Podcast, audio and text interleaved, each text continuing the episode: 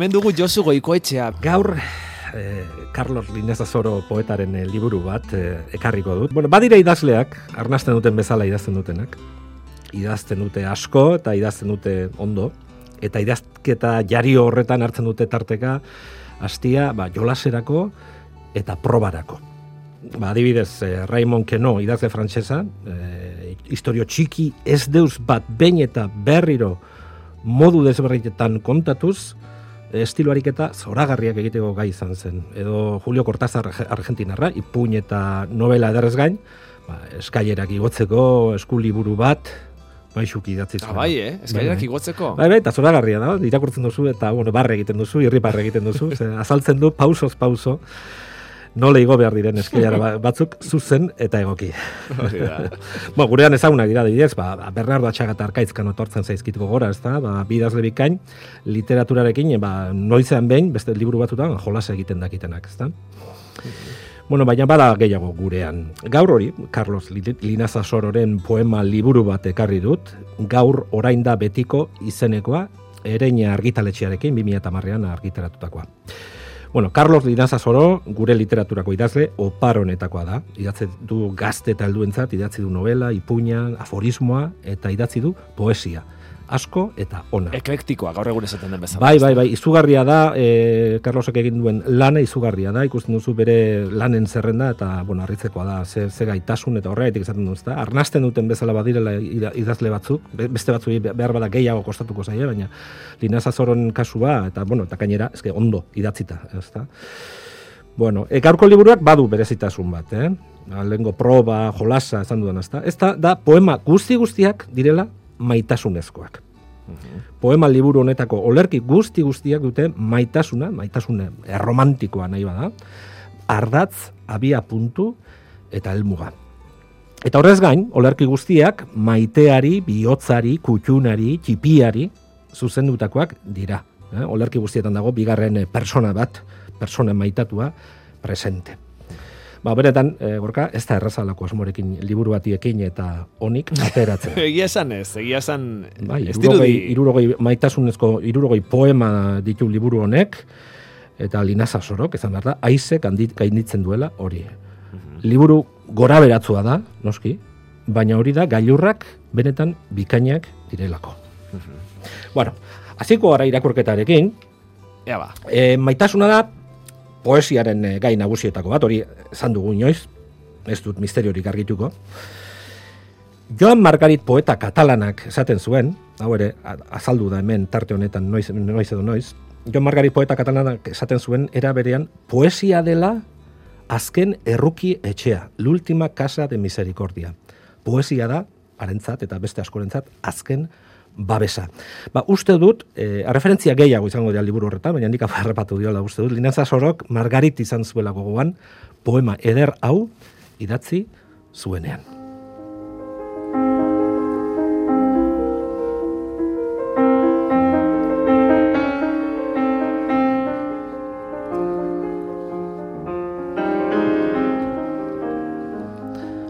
Dantzan ikusten zaitut belardian, zeren bila zabiltza, begi eder eta aztamuka, hor kanpoko argi zabalean.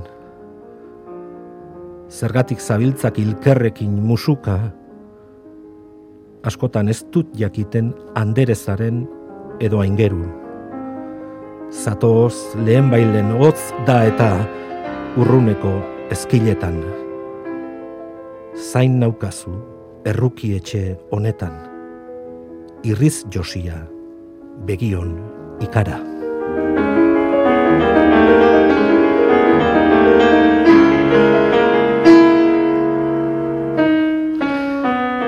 Bizitza ametsa dela esan, eh, ametsa dela esan zuen behin idazle batek, eh, Calderón de la Barca uste dut izan zela.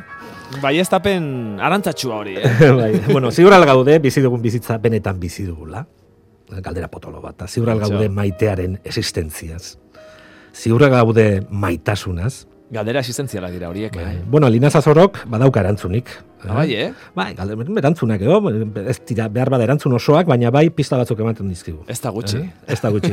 bueno, e, batzutan egiten dugu, eta olerki honetan, e, bueno, esanaia erabat argitzeko, nik ezagutzen nuen hitz bat dago, agontzen, agondu, aditza, zutitu edo altxatu esan nahi du, eh? agontzen agondu hitzorrek, aditzorrek.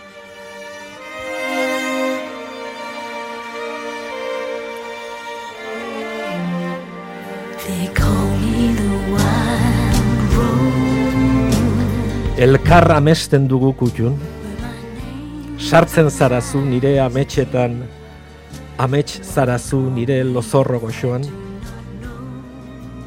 baietz esanen nukenik, bizitza tristea da batzuetan eta elkarrekin handiagoa da itzala, laburragoa bidea, hurbilagotik agontzen dira gure musuak izarretara, eta zer da ametsa esna gaudenean, itxarote txiki bat akaso, beldurrari petaloak kentzea, zuk bat eta nik bi, angustia egan urruntzen ikusi arte, bat eta bi, zuk eta nik, eta begiak istea, lore dardaraz, elkarren ondoan, ostotzen garela sentitzeko.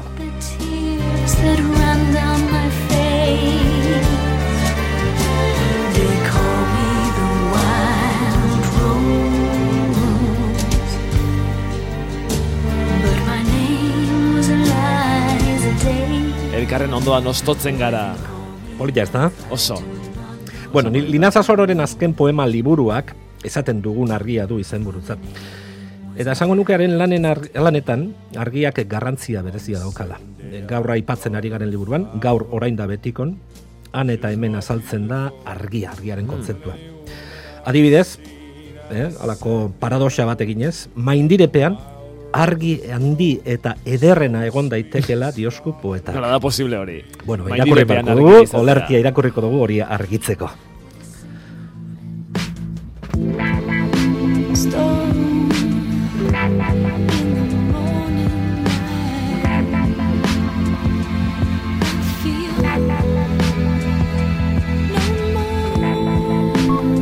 Horrazpian, maindirepean, munduko argi guztia dago. Beldurra usatzen dit gauean, bakardadearen malura kentzen. Argi handia da etzana eta zabala, eta zure biriketatik hartzen du arnaz. Zure begietan egiten zuzi. Ukitzen dudanean, une oro ukitu nahi nuke. Keinu egiten dit, dardarizoka eta urdin eta esaten dit igotzeko, igotzeko bere gailurrera. Ala hobeto maita zaitzadan, urrunago eta betiko, zu, argia bera zarena, baina ederragoa.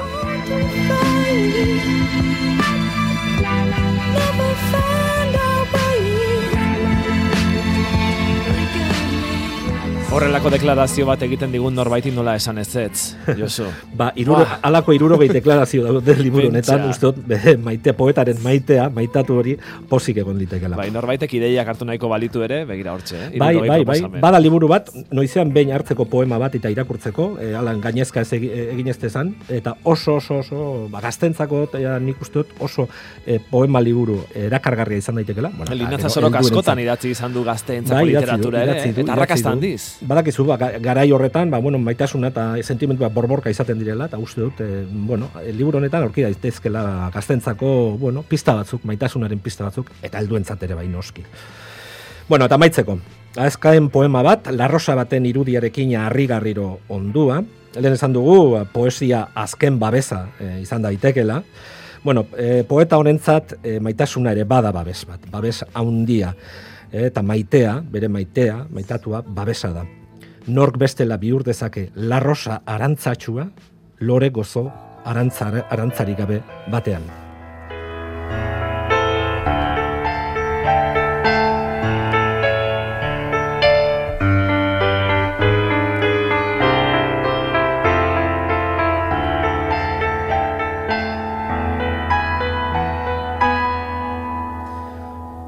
Min bat daukat zuretzat maite. Nahi duzu apur bat, aldirian jaso dut lur urdinetik, denborak eman didan bakardadetik. Nire mina ez da zurea, ez zara zu nire mina, baina hartuko bazenit arantz hau. Etorriko bazina hurbilago nigana edo hotzez, oi maite, orduan arrosa, lore soil izango litzateke, minik gabeko edertasun eta usain, arrosa ere zu bezalako, harin eta zimelkaitz. Eroan mundu zen dauzain zeroa askenez Eroa